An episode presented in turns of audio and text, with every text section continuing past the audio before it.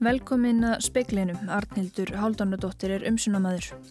Næri 50.000 manns voru án atvinnu eða í skertu starfslutfall í april. Fjöldin er sá mesti síðan mælingar hófust. Kostnaður við sínatöku ferðamanna sem koma til landsins eftir 15. júni gæti verið alltaf 50 miljónir á dag. Ítalska ríkistjórnin áformar að aflétta ferðabanni innanlands frá 3. júni. Nokkrar tilslakanir verða gerðar strax eftir helgi. Gagnafyrirtæki sem fáir kannast við sapna nákvæmum upplýsingum um ferðir norðmanna. Þetta afhjúpar umfjöllun norska ríkisútasins. Forstjóri personuvendar segir enga ástæðu til að halda að ferðir Íslandinga sé ekki raktar með sama hætti. Og sundlugarnar í Reykjavík verða opnaðar eina mínúti yfir miðnætti á sunnudagskvöld. Næri 50.000 manns voru án atfinnu eða í skertu starfslutfalli í april. Þetta er langmesti fjöldi á atvinnuleysisgrá síðan mælingar hófust. Forstjóri vinnumálastofnunar vonar að það drægi hratt úr atvinnuleysi þegar líða tekur árið. Vinnumálastofnun byrti í dag atvinnuleysistölur fyrir april en vita var að aukningin yrði mikil því þá komu þeir sem skráði sig í skert starfslutfall að fullum þunga inn í tölurnar. Vel yfir 33.000 manns bættust við á skrá vinnumálastofnunar í mánuðinum fór skráð aðtunleysi úr 9,2% í mars sem þó var mikil aukning frá fyrir mánuði upp í 17,8%. Meirluti þeirra var á hlutabóta leðinni. Vinnumálastofnun spáði því að toppnum sé náð og að hlutvalli í mæ verði farið niður í 14,8%. Sem er náttúrulega mjög hátt en það er samt heilmikið mingun og við vonum til að hún jafnvel að þetta verði enn minna. Strax svo þessum lettist á þessum samkominbanni og heilmikið af starfsgreinum komist í vinnu aftur þá var alveg viðbúið að þetta myndi e, snar minka sem betur fer. 5.800 manns mistu vinnuna í hópuppsögnum hjá 85 fyrirtækjum í april og er þetta mesti fjöldi hópuppsagnar sem borist hefur á svo skömmum tíma frá því lögum þær tóku gildi árið 1993. Flestir þeirra voru komnir í skert starfslutvall áður en til uppsagnar kom og eru því inn í þessum tölum. Þar með talið næri 2000 starfsmenn Æsland er. Magnús Geir Eyjólfsson tók saman. Kostnaður við sínatöku ferðamanna sem koma til landsins eftir 15. júni geti verið alltaf 50 miljónir á dag. Ekki likur fyrir hver ber þann kostnað. Heilbreyðisráð hefur skipað verkefnistjórn sem á að útfæra hvernig að þessu verður staðið. Gert er ráð fyrir að hægt verða að greina alltaf þúsund síni á dag og að niðurstaða liggi fyrir innan 5 klukkustunda. Stendir að því að heildarkostnaður við hvert síni verði ekki meiri en 50.000 sem gerir um 50 miljónir á dag fyrir þúsund síni. Óvist er hver ber þann kostnað. Tekin verða síni úr öllum nema þeir framvísi gildu vottorði eða kjósi að fara í sóttkví. Þóraldur Guðnason er sóttornarlegnir. Ferðamenn hafa verið að koma hér og verið í sóttkví. Það er verið á hótelum og ákveðinu stöðum í sóttkví. Þannig að eh, ég held að það verði ekki vandamál. Uh, aðeins varðandi sínatökuna, getur við útvært þetta bara upp á fjölda sínatökupinna, starfsfólk og, og svo framvegis? Já, það er ekki sóttornarlegnir sem, sem að stýri þessu og það verkefna hópurinn áttur að fara að stað og, og, og hérna, útlista verkefnið og í hverju það fælst. Það er náttúrulega skilirði fyrir því, finnst mér, að, að þetta gangi upp þar að segja að við lámarkum áhættun á því að smitt komi hér inn til landsins að allt þetta verði í góðu lægi meðal annars með sínatökuna hvernig þetta verið gert, að það sé nægilegt til, mannablitt til staðar, sínatökupinnar og allt það. Þetta er fórsendu fyrir því að þetta gangi allt upp, finnst mér segir Þórólfur Guðnason, Alma Ómarsdóttir talaði við hann. Ríkistjórnin samþykti í morgun frumvörpum herta reglur um stuðning ríkisins við greiðslu launa fólks á uppsagnafresti og þeirra sem að nýta hlutabóta leðina. Meðal hertra regluna er að mánadalun aðstu stjórnenda fyrirtækja sem nýta úræðið mega ekki vera hærri en þrjár miljónir á mánuði. Forstjóri vinnumálastofnunar segir að verið sé að skoða með hvaða hætti sé hægt að byrta lista yfir þau fyrirtæki sem hafi nýtt sér hlutabótaleðina, þar sem engin slíkur listi sé til. Fjármálar á þeirra telur að allar upplýsingar um fyrirtæki sem noti peninga skattgreðenda eigi að vera upp á borðum. Personuvenn telur að upplýsingar um hvaða fyrirtæki hafi nýtt sér hlutabótaleðina brjóti ekki gegn personuvendarögum. Vinnumálastofnun er að skoða með hvaða hætti sé hægt að byrta þennan lista Það er þó ákveðnum vandkvæðum bundið aðalega vitni ástæðu. Þessi list er bara alls ekki til. Það er nú bara þannig. Segir unnur Sverrisdóttir forstjóri vinnumálastofnunar. Bjarni Benediktsson fjármálar á þeirra teluljóst að allar upplýsingar um þau fyrirtæki sem njóta einhverja þeirra stuðningsleiða sem opnaðar hafa verið verði ofinberar. En í fyrra dag voru lögum lokunarstyrki og stuðningslán samþygt á alþingi.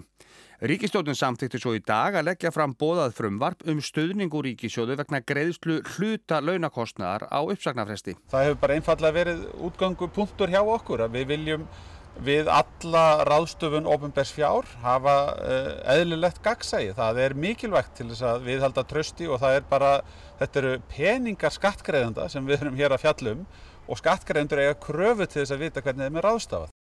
Þetta var Bjarni Bendiktsson, Jóhann Hlíðar Harðarsson tók pistilinn saman. Stjórnvöld á Ítalju áforma að aflétta ferðabanni innanlands frá 3. júni. Takmarkanir sem hafi verið í gildi vegna COVID-19 farsóttarinnar falla niður í helgar lok. Ítalskir fjölmiðlar greina frá því í dag að gert hafi verið uppkastað tillögum um að fólki verði frjálst að fara að ferða sinna milli hér að á að borga á Ítalju frá og með 3. júni. Framkemur að stjórnvöldi Róm séu undir þrýstingi frá héraðsýfurvöldum í Langbarðalandi, Veneto og Emilia Romagna um að veita landsmannum fullt ferðafrelsi innanlands strax á mánudag. En samkvæmt uppkastinu viljaðu býða til miðvíkudagsins 3. júni. Daginn áður er þjóðháttíðardagur Ítalíu. Fram að því verður fólki einungis heimilt að ferðast millir hér aða ef brína nöðsinn ber til af helsufars ástæðum svo að dæmi sér tekið. Ella á það að hættu að verða sektað. Að sögn ítalskra fréttamiðla verður ferðatakmörkunum samstundis komið á að nýju ef bakslag kemur í baráttuna við COVID-19 farsóttina. Sama gildir um fyrirtæki sem verður heimilt að taka til starfaða nýju frá og með næsta mánudegi, svo sem verslunum, veitingahúsum og börum, hárgreðslu og rakkarastofum og snirtistofum. Starfsfólk þeirra þarf að fylgja ströngum reglum. Brjótið það reglurnar verður það sektað. Áskir Tómasson saði frá. Aðal eigendur Samherja HF þau Helga Steinun Guðmundsdóttir, Þorstein Már Baldunsson, Kristján Vilhelmsson og Kolbrún Ingólsdóttir hafa framselt hlutabriða eig sína í Samherja HF til barna sinna. Þetta kemur fram í tilkynning á VF Samherja. Helga, Þorstein, Kristján og Kolbrún áttu samtals 86,5% hlut í fyrirtækinu sem verður 2% eftir breytingarnar sem hafa verið 2 ári í undirbúningi. Stærstu hlutafar Samherja verða nú Baldvin Þorstensson og Katla Þorstensdóttir sem fara saman með um 43% hluti fyrirtækinu. Dagni Linda Kristjánsdóttir, Haldur Örn Kristjánsson, Kristján Bjarni Kristjánsson og Katrín Kristjánsdóttir fara með um 41% hlutafjár. Samherji er eitt stærsta útgerafélag landsins með um 6,5% útlutaðs kvóta. Heildar verðmæti hlutabrefana leipur á 20 miljardar. Í samtali við fréttastofu í dag sagði Þorstein Mára að egnaskiptin væru að hluta til fyrirframgreitur arfur og að hluta til sala á milli félaga. Sundlugarnar í Reykjavík verða opnaðar eina mínúti yfir miðnætti á sunnudagskvöld. Þá gengur átjóndi mægi garð langþráður dagur fyrir sundþyrsta. Sundlugarnar hafa verið lokaðar frá 23. mars vegna samkomibans sem lagt var á vegna korunverufaraldusins. Steinþór Einarsson er skrifstofustjóri rekstrar og þjónustu hjá Reykjavíkurborg.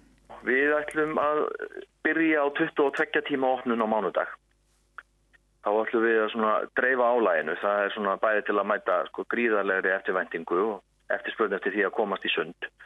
E, við hefum svona aðeins búin að vera að hugsa þetta. Það gæti orðið mikil, mikil trafík 06.30 fyrsta daginn sem við opnum eftir áttavíkna hlið. Þannig að þá ákváðum þetta. Við skildum bara að dreifa álæginu. Opnum bara eina myndu eftir minnætti og við höfum opið í 22 tíma fyrsta daginn. Því að við erum náttúrulega með ákvæmna takmarkanir að við erum að reyna að dreifa álæginu þannig að sem flestir komist í sund. Segir Steinþór Einarsson.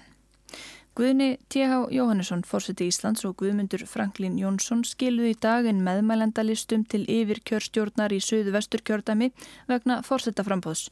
Yfir kjörstjórnir í öðrum kjördæmjum taka á móti meðmælendalistum í næstu viku og þá verður endanlega ljóst hvort og þá með hvaða hætti fórsetakostningar fara fram.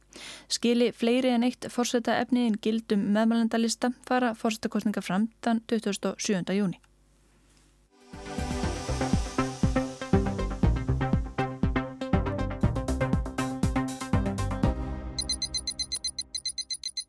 Gagnafyrirtæki sem fáir kannast við sapna nákvæmum upplýsingum um ferðir fólks.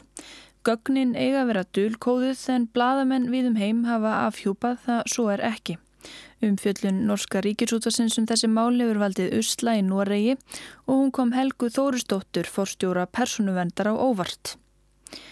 Þú þart kannski ekki heimilisfangi mitt, spurði Karl Bjarni Bernhardsen, 30 norðmaður fréttamann Norska ríkisútvarsins, þegar þeir ákáða að hittast. Bernhardsen var endáliti kvumsa. Símtalið frá fréttamannum hafði í bestafalli verið skrítið, í verstafalli skelvilegt.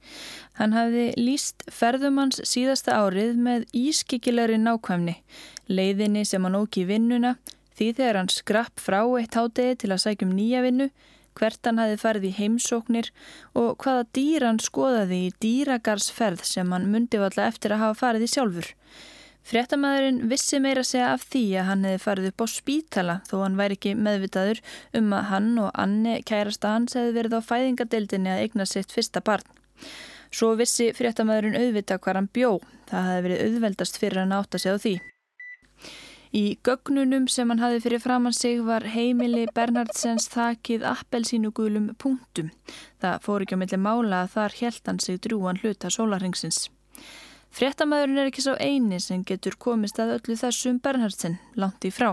Upplýsingarnar um hann eru til sölu á opnum markaði. Flest eigum við jú snjálfsíma með innbyggðu staðsetningatæki og flest fyllum við síman okkar á allskins sniðugum öppum. Mörg þessara appar og ókeipis á móti krefjastu þess að við samþykjum að veita þeim ímsar upplýsingar. Fáar upplýsingar eru nú verðmættar og upplýsingarnar um hvert við förum helst og hvað verum þar lengi. Þessar upplýsingar geta eigendur appana selt sér hefðum gagna sölu fyrirtækjum fyrir háar fjárhæðir og þau geta svo selt þær áfram. Við þurfum að samþykja að veita þessar upplýsingar og mörg gerum við það en það halda uppinni oftast fram að gögnin séu örug og dullkóðuð. Það fá engin að vita hversu oft þú fóst í íspíltúr eða til læknis. Það snúist um kaup, hegðun og markas greiningar. Hvaða auglýsingum sé best að beina til þín og þinna líkra. Frettamennir vildu kanna hvort þetta stæðist skoðun. Í lók síðasta árs keipti NRK gagnapakka frá bresku gagnasölinni Tamoko, eitt margra fyrirtækja sem sérhæfur sig í staðsetningagögnum. Skyhook, Gimbal, X-Mode, Safegraph, nöfnin ringja fáum bjöllum. NRK greiti rúmar 500.000 íslenskar krónur fyrir aðgangað staðsetningargögnum sem náðu til alls ásins 2019. Í gögnunum voru GPS-nýtt sem rekja mátti til 140.000 farsíma eða spjaltölva í Noregi. Sumtæki höfðu skilið eftir sig örf á að punta á þessu tæpa ári, önnur hefði samtur á sér mörg þúsund staðsetningarnitt. Hverju nýtti fylgdi nákvæm tímasetning og kóði símtækisins. Oft var hægt að sjá nákvæmlega hver ákveðin sími hefði verið á ákveðnum tímapunkti yfir langan tíma. Fréttamennir keirðu nýttin saman við kort af Noregi. Þau völdu nokkur tæki af handahófi og skoðuðu punktana sem þau hefðu skilið eftir sig. Sérstaklega þá staði sem að voru beinlinis út ataðir í gulum punktum. Þannig tókst þeim að rekja gögnin til ákveðina persóna og einn þeirra var Karl Bjarni Bernhardsen. Það var ekkert svo flókið, bara þessi gögn og smá Google á netinu. Fréttamennir sá að ákveði símtæki var alltaf í ákveðinu húsa á nóttunni og lögðu saman 2 og 2, líklega bjó eigandin þar og smá netleit gerði þeim ljóstað í húsinu bjó par. Á Facebook síðu mannsins kom fram hann inni hjá fluttningafyrirtæki og það var einmitt þar sem að símtæki hans var yfirleitt á virkum dögum. Með hjálp gagnana mátti skoða líf Bernhardsen nánast dag fyrir dag. Í 200 daga af 365 höfðu Ímis upp í símanum hans sapnað upplýsingum um ferðir hans og sendt til fyrirtækja stundum á hverri mínútu. Loford Tamako um dulkóðun reyndust innan tóm. Í desember í fyrra byrti bandaríska blaði New York Times yfirgripsmikla umfjöllunum gagnasöfnun fyrirtækja í staðsningasölu geranum. Blaðamenn New York Times gáttu líkt og fréttamenn NRK auðveldlega rakið nýttinn til einstaklinga. Hverjir kom í kvítahúsið, Pentagon eða í heimsók til frægafólksins, hvenar fylgdu þingmenn börnunum í skólan, hvenar voru hátsettir hershöðingjar á leið heim til sín í brinnvörðum bílum, hverjir áttu leinifundi og hvar. Allt þetta mátti lesa úr gögnunum og puntarnir gáttu líka gefa vísbendingar um hvort farið væri að fjara undan hjónabandi fólks og hvort að glýmdi við geðraskanir eða fíkn. Greinarhöfundar veltaði upp hvaða afleðingar það gæti haft kæmust viðkvæm gögn í hendur erlendra leinithjónusta og hvernig það gæti komið þólendum ofbeldis ef gerandin gæti rakið ferðir þeirra. Í janúar hafði NRK samband við Bernhardsen og í eldhúsinu heima hjá honum í Stafengar fór Trúti Furul í fréttamaður yfir gögnin með honum. NRK hafði betri yfirsýn en hann sjálfur. Hvað ef ég væri ríkur eða valdamikill, spurðan sig, og til hvers eru þessar upplýsingar notaðar? Er einhver takmörk fyrir því hver getur nálgast þær? Setna hendi Bernhardsen stórum hluta appanna í símanum sínum. Hann hafði nefnilega ekki hugmyndum hver þeirra höfðu sapnað upplýsingunum og selgt áfram. Umfjöldun NRK hefur ekki mikla umræði í Noregi, neytenda samtök Noregs segja upplýsingasöfnin fyrirtækisins ekki standast persónuvendalög, samþykki sé ekki nóg. Fyrirtæki sem nýta persónuupplýsingar þurfi líka gera það í vel skilgrindum tilgangi. Inger Lise Blíverket, formaður samtakana, segir að það sé engin leið fyrir neytendur að átta sig á því hvar persónulegar upplýsingar um þá hafna og til hvers þær eru notaðar. Gagnasalatnir hafi heldur ekki yfir sín. Ráðherrar í Nóriði hafa líst neykslunsinni. Norska persónuvendastofnin hefur hafið rannsókn á Tamoko og hyggst reyna að fá þá bresku í samstarf. Sum fyrirtækin sem NRK hafði samband við neituð að selja því gögn söðust í ljósi nýju evrósku persónuvendalögjarinnar ekki selja gögnin innan Evrópu. Tamoko og fleiri fyrirtæki voru þó alveg til í það og kaupin gengur greiðlega. Fréttamenninir sögðust til að kaupa gögnin til að átta sig á því hvernig normenn notuðu almenningssamgöngur. Setna upplistu þau fyrirtækið um hvað raunverulega vakti fyrir þeim og sendu ítrekkað fyrirspurnir um gagnasöfnununa og reykjanleikan en fengu engin svör. Helga Þóristóttir, fórstjóri personuvendar er á línunni. Ég það líkur kannski beinast við að spyrja því Helga, vissir þú af þessu?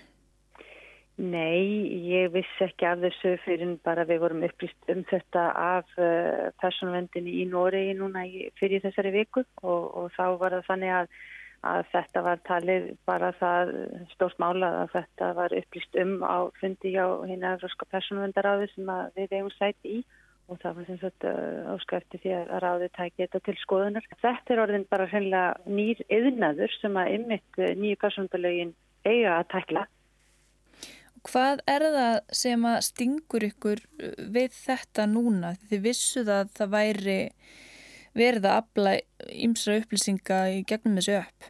Það sem er kannski sláandi þarna er það að meina fólk heldur svo oft kannski hér og maður heyrir við hvað ég hef ekkert að fela. En þegar þú ert í rauninni þarft kannski að, ja, að fara í segi huldu höfði en þú vilt ekki láta alla vita hvað þú býrst að við getum bara að byrja þar. Hvar þú býrð og hvar þú vinnur og hvar þú með börnin á leikskóla. Og þú fær með barni í lækniskoðun og þú er að finna út á hvaða deild spítanast þú fóst með barnið. Nú eða sjálfum þig, nú hver þarf að leita á, á, á húð og kynnsútumadeildina nú á Íslandi sko vinnbúðunar eru sérstaklega búðir þannig að fyrir að ljósta að það er að finna út hver fyrir vínbúin og hversu oft. Þannig að það eru allir þessir gagnapunktar sem að búa til starfir sem að eru orðin að þessari helstu sölu veru uh, nútímans í dag sem eru persónlýsingarnar. Mm. Til hvers? Jú, auglýsingar eru þá beint af okkur og það er það sem er söluvaran hjá þessum fyrirtækjum sem eru að framlega sig upp. Nú, svo er hitt að hafa það áhrif á skoðunar okkar, til dæmis eins og við höfum verið að skoða hér hjá persónlönd, hvernig er verið að rauninni að vinna í kjósundum til dæmis fyrir kostningar.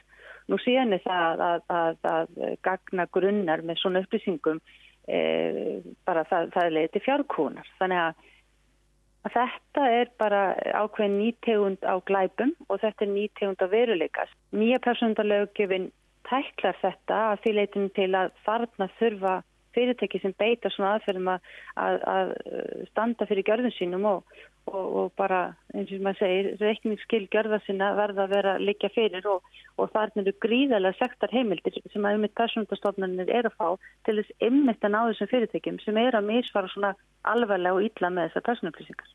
Mm. En er það markmið fyrirtækjana að sapna þessum gögnum, eh, nota þau í einhverja svona markaskreiningar eða er það markmið þeirra að selja nákvæm personur reikjanlega gögn bara um mig og þig?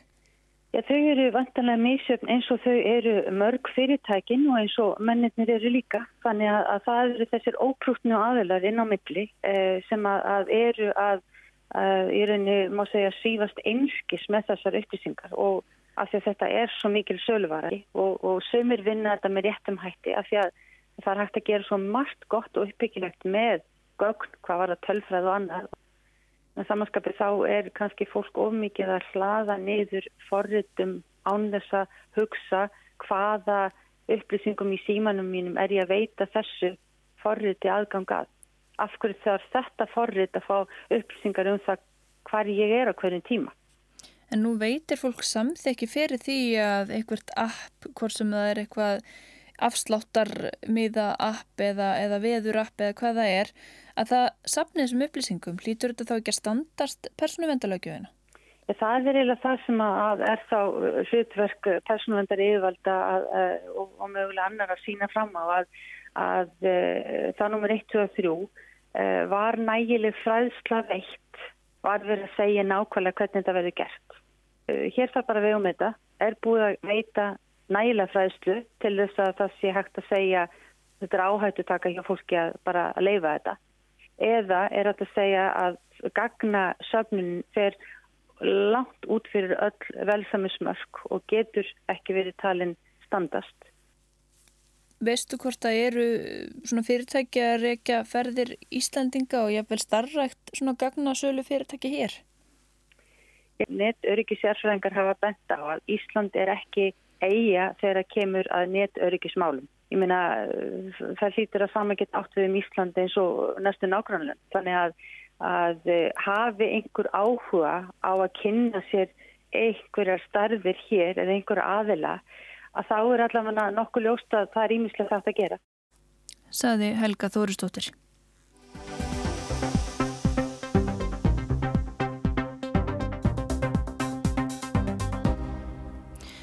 Atvinnuleysi í síðasta mánuði var langmest á Suðunessjum þar sem það fór yfir 25%. Heildar atvinnuleysið í landinu mæltist tæp 18% í april. Arnar Páll Haugsson. Myndin af áhrifum COVID-19 á Íslandst efnaðarslíf er að skýrast. Það er ljóst að þetta ár verður erfitt og líklegt er að áhrifin verði víttakar en uppalega var gert að ráðfyrir. Íslandsbanki byrti nýja þjóðarspá í gær og í dag kynnti landsbankin sínaspá. Þá byrtu samtök atunlýsins og viðskiptar á Íslands greining og áhrifum COVID-19 á efnaðarslífið í fyrradag.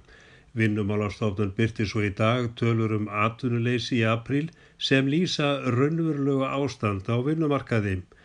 Hávakstar spár bankana eru svipaðar, báðir spáð því að samtrátturinn á þessu ári verðum nýju af hundraði. Ástandið breytist á næsta ári. Þá verði hávakstur um 5%, munur á spám þeirra um árið 2022, landsbankin spáir 3% að hagvexti en Íslandsbanki 4,5% að hagvexti. Mata landsbankans er að samdráttar skeiðið verði stutt. Það verði djúft en vari vonandi í stuttan tíma. Yfirskrifti greiningarinnar er efnags áfall aldarinnar sem segir sína sögu. En óvissan er mikil. SA og viðskiptar á Íslands drag upp þrjár sviðsmyndir. Bjarsínasta myndin er að höggi verði talsvert og að samtrátturinn verði átt af hundraði á þessu árið. Þessi sviðsmyndi byggir á því að mjög vel takist til að stöðva faraldurinn hér á Erlendis og að innlend eftir spurnu taki við sér á setni hluta ársins. Ferðarþjónustan taki við sér í haust en batin verður þó hægur. Ferðamönnum muni fækkum tvo þriðji hluta á árunum. Loksað enganeistlana nái sér á stryk undir lok ársins. Sviðsmyndi 2 gerir ráð fyrir að höggi getur orðið mikið og að samdrátturinn á árunum verði þá 13 á hundraðin. Þessi spá miðar við að hægt og rólega takist að stöðva faraldurinn hér á Erlendis og að ferðarþjónustan ná ekki bat á þessum ári. Samdrátturinn verði mikill um miðbygg ásins en það byrti til með haustunum. Þriðja sviðsmyndin er svo svartasta, gerir ráð fyrir að höggi verði mjög þungt og að samtrátturinn geti orði átján af hundraðin. Forsendur eru að það gangi illa hveða niður veiruna, sótvarnar aðgerðir muni var út árið og landamæri verði áfram lokuð. Ef þetta raungerist muni engir ferðamennu koma á þessu ári. Reyndar var þessi spá gerð eða greining áður en að tilkynnt var um tilslaganir á komum ferðamanna hingað en höfundar greiningarinnar telja að það breyti ekki að svo stöttu stóru myndinni. Það er ljósta, það er mikil óvisa í þessu spám, einfallega vegna þess að það er óvis hvernig tekst að hafa heimil á faraldrinum.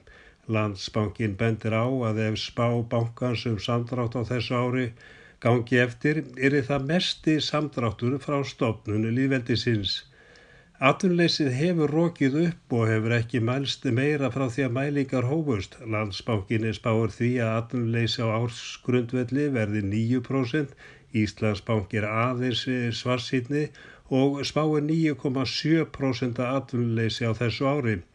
Landsbánkinni telur að atunleysi verði 7% á næsta ári en Íslandsbanki að það verði 5,8% og 2022 verði atvinnleysi 6% í spá landsbankans en farin er í 3,8% samkvæmt spá Íslandsbanka. Landsbankin spáir í talsverðum samdrætti í útflutningi og hann verði sá mesti frá stopnun lífveldisins. Í ferðarþjónustunni verðan 67% Ál útflutningur drægi saman um 2% og útflutningur sjáarafurða mingi um 8 af 100. Þá muni íbúðaverð standa í stað út árið.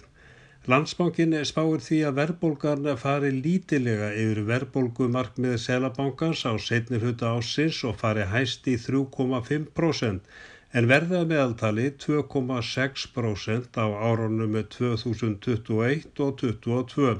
Íslandsbanki spáir lægri verðbólgu, hún verði 2,2% á þessu ári, 2,1% á því næsta og 2,3% 2022.